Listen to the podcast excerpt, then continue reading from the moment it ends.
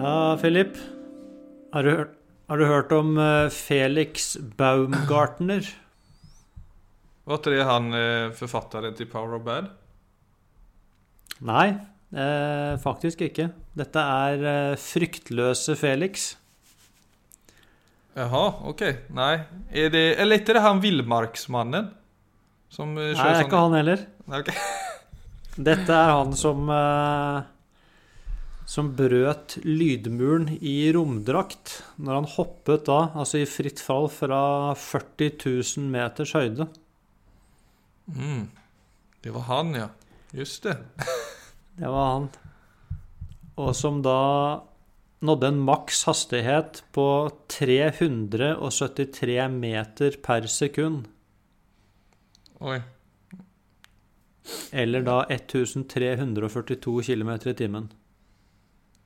Herrejævlar. Så de påstår, eller noen, det, det er riktignok spekulasjon, men det er noen som hevder at uten beskyttelse så ville blodet hans begynt å koke.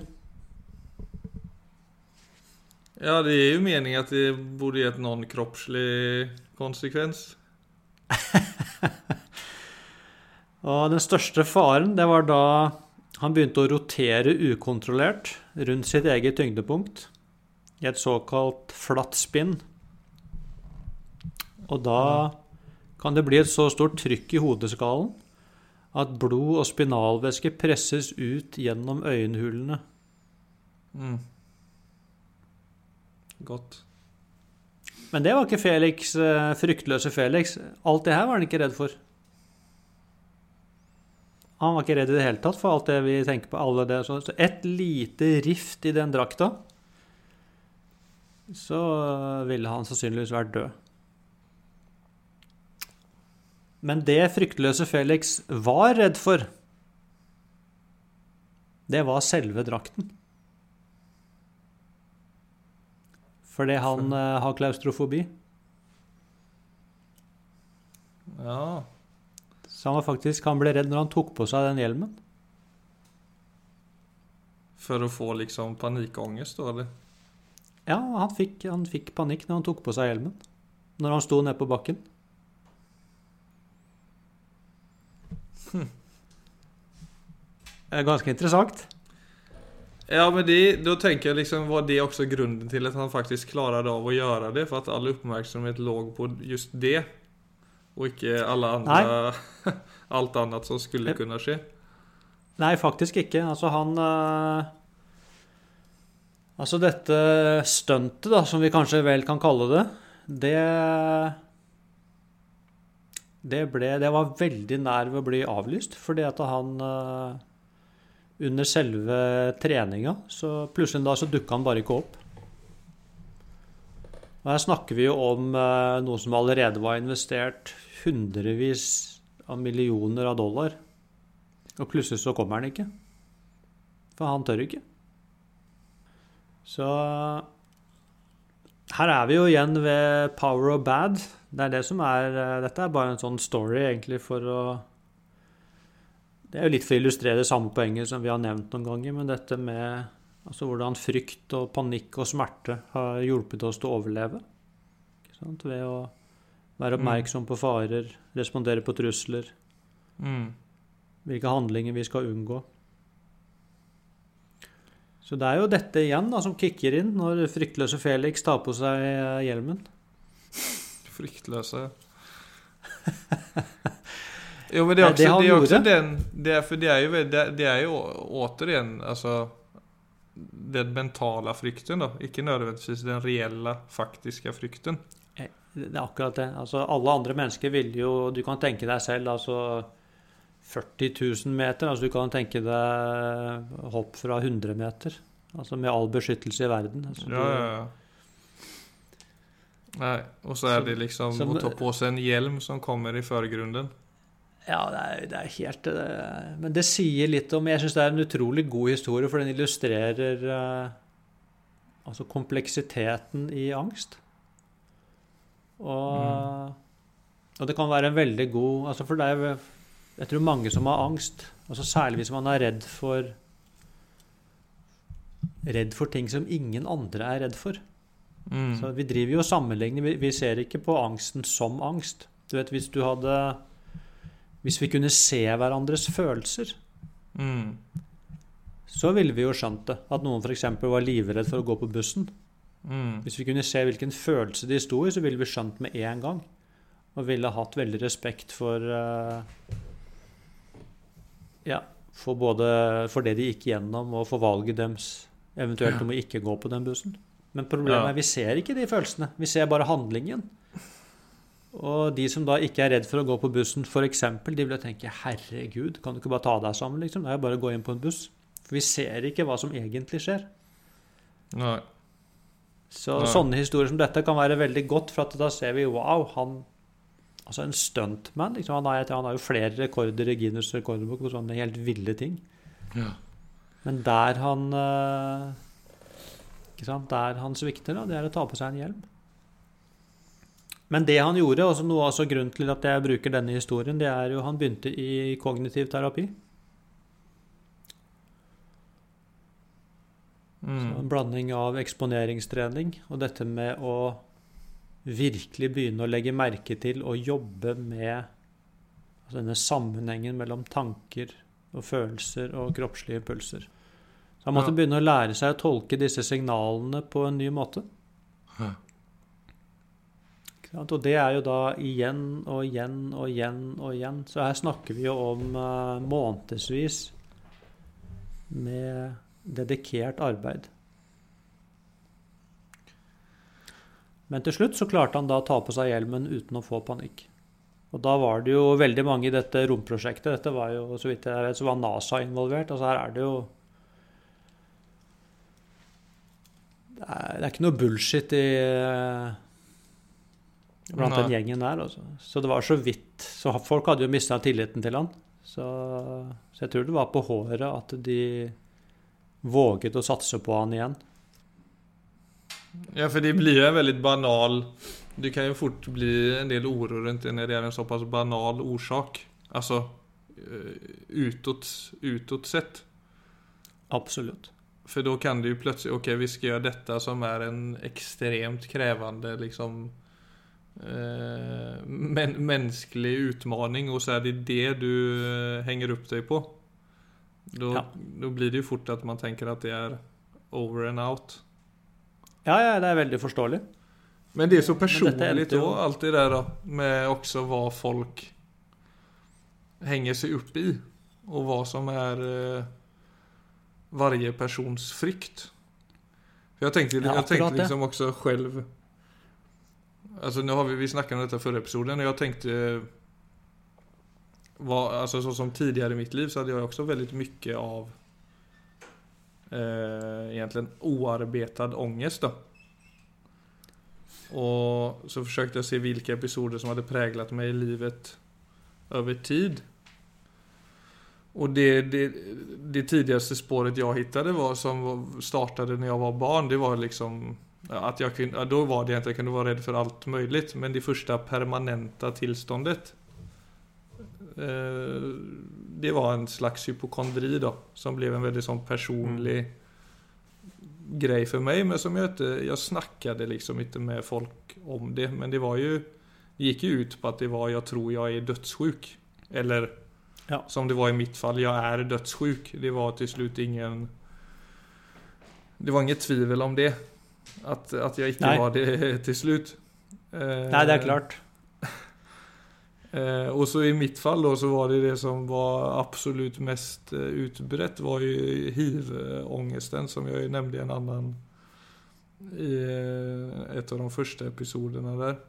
Men jag tror jag tror også den inställsamheten om at jag, att jag var det, att det ikke var noe tvivel om det. Det tror jeg også nesten var en liksom metod å slippe å gå rundt og ha så mye ångest for det. Mm. Att det var liksom, det är bättre att bara ta det in som en sanning än att gå rundt og liksom lure på og bare kveves av spørsmålet har Ja. jeg det eller har jeg det ikke? Ja, men det er jo også en interessant eh, Det er en interessant erfaring, det. At ting roer seg ned når du bare tar det innover deg. Ja, jeg, jeg er dødssjuk. Ja, tross så at det var helt så går det verste bort. som kunne skje. Og så hadde jeg ikke heller en kanal som barn ville, alltså Jag hade ju liksom folk runt mig som brydde sig massa och så men jag hade ingen runt mig som hade den läggningen att, att prata om komplicerade saker i det inre då. Nej. Och det, och det att det var hemligt, det var ju väldigt centralt för det gick ju när du liksom går runt med de överbevisningarna så så blir det också förstärkt i det att alltså jag går ju runt och nästan letar be, på bevis i min närhet eller motbevis på om det kan mm. stämma eller icke. Alltså det kunde vara en dokumentär i skolan om sjukdomar. Och så dyker hiv upp och så tar jag det som ett tecken på att jag mm. är, jag har hiv. Eller du ser en blodfläck på ett papper. Och så vet du att den är liksom plantad där. För att bara förtälla dig om att It's about you. Men dette er, eh, det er sånne ting vi Altså igjen, da, hvis vi går tilbake til dette med å Hvis vi hadde sammenligna følelser istedenfor uh, hva vi har følelser rundt, så ville det Folk kan, Vi går ut og sier Er du redd for det? Altså, vi er helt sånn uforstående til andre menneskers redsler. Mm. Men uh, våre egne redsler, de, de, har vi jo veldig stor forståelse for. For de ser vi jo innenfra. Mm -hmm. Men jeg tror det alle kan være enige om, er at alle er redd. Altså følelsen redsel, den kjenner absolutt alle mennesker igjen. Mm. Så der er vi egentlig ett menneske. Så Og så kan den også feste seg på alt mulig. Ja, det er, det, det er akkurat det den kan. Det, det er helt vilkårlig, faktisk. Mm. Og, og, hvis vi heller hadde Men da kan det også bli litt komisk. Altså hvis man heller eh, Det skal ikke så mye til fra at sånne ting kan eh, ja, være utrolig begrensende, til at de bare blir litt komiske. Hvis vi hadde lært oss å ja, snakke om det, se hvilke mekanismer som uh, altså egentlig er aktivert. Hvor upersonlig hele greiene er. Altså disse følelsene som bare går som vinner gjennom systemet vårt. Så, så fra å være sånn at de nesten tar livet av deg, så kan det bli noe man kan lære seg å le av. Ja, for jeg mener som, altså, så som barn, og spesielt da som barn om du ikke har en innsikt i hva, hva dette er. Altså, det var ingen grunn egentlig til at jeg skulle ha hiv-noia. Jag hade, alltså jag som en vilken som helst ungdom har ju man varit lite här och där. Alltså sån som, som man ju kan vara. Ja. Eh, men, men det var ingen sånn peker på at dette leder til at du har hiv. Nei, men jeg skjønner deg veldig godt. Altså, jeg har vært, eh, vært innom det sjøl. Altså, det er sånn tenk om. Det holder jo, det. Tenk om. Ja, og så blir det tenk så forsterkt at jeg gikk jo rundt i jeg tror det var tre år daglig og var helt På en måte jeg må jeg ändå si det At, og, altså, Det kan jo være at jeg sitter og har denne podden dag også At det er vissa grunder til det. Men jeg var jo jeg var jo overbevist, altså. Og det var, det var det som dagen handlet om. Det var ikke fotball lenger, det var ikke skolen lenger, det var ikke venner lenger, det var ikke tjejer lenger. Det var bare en konstant oro om at alt er over. Og der er det jo ikke Det var jo ingen 'knowing what to do with the power of bad' i de årene. Nei, det er akkurat det. det Men bare... Tenk deg om noen hadde fortalt deg om det, Philip. Bare tatt deg i hånden og geleidet deg gjennom uh, Ja Litt om hvordan ja. hjernen og nervesystemet fungerer. Ja, det hadde vært noe. På tal om det så hørte jeg, jag hörde, för det er en, eh, en dokumentär nu om, nå nu ska jag inte säga att jag vet alt om hva den handler om, men det er i alla fall man, manliga unga körsångare. Eh, som eh, er på vei inn i målbrottet. Så att, inn i hva for noe? inn i målbrottet. Du vet at du liksom, at røsten du börjar gå over fra pojk til mann. Ja, stem, ja, stemmeskifte, som vi sier på norsk. Ja, stemmeskifte, ja. I maskulinitetets ånd. Ja. Ja, som jo mange eftersträvar. Det er jo noe, jeg visste det selv, at det var jo noe jeg gjerne ville. Jeg var veldig sen med det. och kände mig väldigt utanför och ville gärna dit. Det var liksom ett grupptryck där. Men så är det ju många så som för de här manliga körsångarna då, och kanske i den lite sån mer moderna maskuliniteten så är det så är det väldigt många som icke önskar det. Och speciellt då, eller som inte har så bråttom att bli man då, stereotypen av Mm. man. Och det har det säkert alltid varit, bara att man har följt ett grupptryck. Att det är säkert många som icke liksom, ja vi vet ju det då att det är väldigt mye av män som också har vad man kan kalla feminina sidor. Men som inte har Mm. fått så mycket plats. Men just i deras, i deras värld då, så var det det att Alltså den högsta damstämman som man kallar sopran. Som er liksom å gå opp i det absolut ljuseste, Det forsvinner jo en del. Ja. Speciellt i det målbrottet. Og da var det, Og da snakker de, eh, speciellt en kille om det at det, liksom, det kjennes som om noe blir tatt ifrån deg. Mm. Og da började jeg direkte tenke på identitet og egentlig på det her med at i livet så er det jo saker, alltså saker tas ifrån oss hela tiden i livet. Ja. Om det är en stämma, om det är en eh, ett utseende, om det är en relation, om det är, alltså vad Ja. det än är så krävs det av oss att vi blir goa Ja. på förändring. Ja. Egentligen. För att det, det är bara något som sker. Men det, de, det som jag tyckte, bara för att spinna tillbaka till det du snackade om med eller så som jag snackade med min historia med att jag inte hade varken insikt eller reflektionsförmåga i eget liv som ung då. Mm. Det var mer bara, allting bara spann på. Jag kunde inte se- sätta mig ner och liksom ta ett blick på mig själv. Men så dessa 15-16-åringarna som var intervjuade i, eh, i den här dokumentären så satt de så fint och reflekterade över sig själva. Mm. Så flott. Alltså på ett sätt, på ett sätt som Alltså jag kände igen mina egna ungdomskänslor i allt de sa. Men jag hade inte alls det där ordförrådet för det. På den tiden. Och där verkade jag ha tagit en viss vändning. Alltså du kan nästan, det kändes ju som de på ett sätt hade blivit eh, vuxnare eller mognare än vad jag var i den åldern. Och kunde liksom se Ja, på seg sig fint. själva. Ja. Så, Nei, kanskje Det går nok litt framover på det feltet her, altså. Det tror jeg. Veldig. ja, det, det Men så er det dette med allikevel å Ikke sant? Det er det å få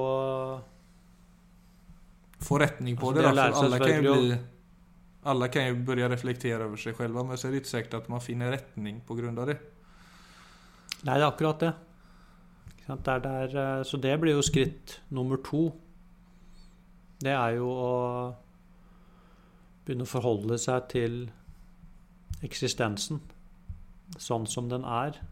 For da kommer jo dette med Jeg kan jo bli flink til å sette ord på det jeg opplever. Men så kommer vi til Mm. dette som du, han snakket om, da, det som jo er jo helt reelt. Altså det, er, det er jo som om noe blir tatt fra meg. Og der blir det sånt Det tror jeg er Det er sånne crossroads. For det skjer jo gjennom hele livet. Altså at livet på en eller annen måte ja, hele tiden Altså i hermetegn da, tar fra oss ting. Gjennom da Vi kan jo si at det egentlig er livets lov. Forandring. Altså alt endrer seg hele tiden. Og i denne endringen så Ja, så, så blir jo ting borte. Altså både i stort og smått. Mm. Og det å kjempe imot, da, som jo også er eh, Kanskje også ligger litt i I hvert fall knyttet til the power of bad. Altså det er jo instinkter. Ned, nedarvede instinkter. Som Mm. eh, helt sikkert har hjulpet oss med overlevelse. Men som når det kommer til eksistensen, fører oss inn i store problemer. Ja, det er för det, ja, när han snackade om det, det där med att det tas ifrån en och jag, det slog lite ner som en blixt i mig det där med att det sker ju fan hela tiden. eh, på gott och ont egentligen. Att jag kände liksom, det var som blandat en cocktail där. Men... Eh, Ja.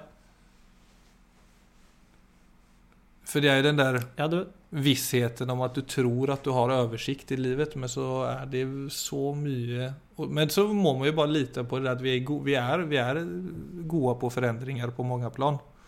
Og det oppleves ikke alltid så voldsomt for oss. Men, eh, men det skjer. Om igjen og om ja igjen. det, det gjør det. Ja, det gjør det. Jeg var, eh, så jeg var selv Jeg var i begravelse i forrige uke for eh, en gammel tante. Nå hadde jo hun levd et, eh, et langt liv. Så det gjør det litt annerledes for oss. Men jeg tenkte litt på dette med Selvfølgelig når du sitter i en begravelse, rundt dette med liv og død. Og snudde det helt rundt. For døden henger jo ofte over oss som den si, ultimate trussel. Da. Det er den ultimate endring. Mm. Det er jo da når alt forsvinner. Men, men det å få seg tenk om Altså tenk om døden ikke fantes. Altså Det ville jo vært virkelig horrorshow. Det har jeg også tenkt på. Ja. Det er det jeg er tenker med å komme til himmelen. Altså alt det der som er en videreføring av en selv. Hvis Mm. man faktisk tenker på hva evigt liv betyder i det anseendet. Ja. Da tror jeg du i hvert fall kan få klaus klaustrofobi. På Jeg ville tro det. Uh, Felix uh, horror dude. Ja, og det kan være litt nyttig å, å ta det i den retning, for da, det er jo noe med å finne Altså, en, den, det er en form for skjønnhet også i disse si, brutale sannhetene. Sant? De som uh, røsker alt opp og setter alt på spissen. Mm. Som eh, Og som leder deg inn i kanskje mer eksistensielle refleksjoner. Og det går jo an å bli venn med de tingene òg. Det er uh... For det er et utrolig mye bedre perspektiv enn evig liv. Jeg vil si det. Det er uh... Så kan man jo ikke Så behøver ikke det bety at man tycker at døden er topp instinktivt, men uh... Nei, det er jo ikke det det handler om. Det er, det er mer det å, å kunne åpne opp øynene såpass mye at du altså ser at det er rett og slett bare en del av det hele. Du kommer ikke utenom. Altså i, i fødsel så ligger død, og det får du ikke gjort noe med. Og det er, som du selv sa, det er i det små, og det er i det store. Altså noe, noe må dø for at noe annet skal fødes. Og det vil du finne i absolutt alt i naturen. Eh, Også i, også i Mm. menneskenaturen. Og det går det selvfølgelig an å prøve å lukke øynene for. Men det er noe med å reflektere over det, òg, For det er jo, da kan du si, alt kan man jo lære av. Så kan man se hva får jeg igjen for det hvis jeg prøver å fornekte døden. Så vil du nok se at det garantert får med deg en del angst på lasset. Hvis du prøver den varianten. Nei, da er det jo bare å ta angsten ved hornen. Ja, nettopp. Det er akkurat det. Det blir andre, det andre valget vi har, egentlig. Det ene valget er å unnvike, det andre valget er å, er å gå rett på. Og egentlig åpne øynene.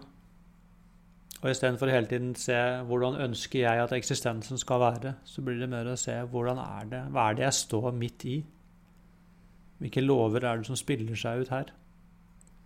Det kan jo være noe som gjør at angsten hopper opp et øyeblikk. Men hvis du blir stående i det, som da egentlig er nødt til å ta det ned For du begynner å være i tråd med hvordan ting faktisk er. Og det er alltid angstdempende i det lange løp.